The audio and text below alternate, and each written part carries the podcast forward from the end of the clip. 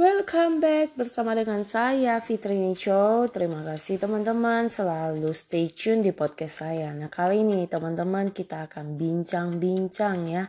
Kalau kemarin kita sudah bagikan begitu banyak tips-tips buat teman-teman nih. Nah kali ini kalau kita bahas adalah tentang bagaimana sih cara kita bisa uh, mengenal kayak ini kemampuan kita atau bakat kita sebagai itu saya punya kemampuan talenta di mana. Nah, ini yang sering terjadi buat anak-anak remaja yang masih kebingungan sebenarnya saya itu expert di bidang apa. Ini yang sering terjadi karena orang tidak paham. Ya, tidak paham bahwa sebenarnya saya itu punya kemampuan di bidang apa. Jadi hari ini saya mau bagi bagaimana cara kita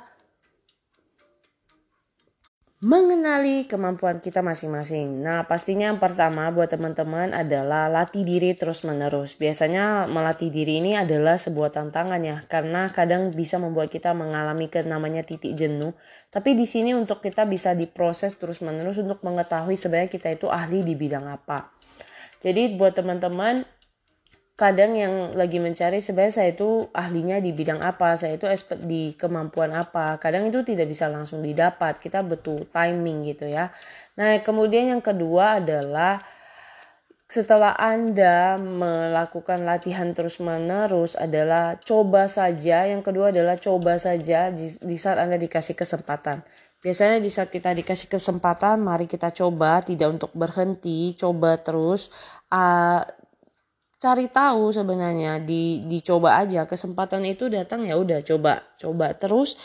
Dan kalau anda merasa sepertinya saya cocok saya sesuai di bidang ini ya silakan anda boleh ambil. Jadi sebenarnya bukan maksudnya coba-coba itu kayak kita main-main gitu ya.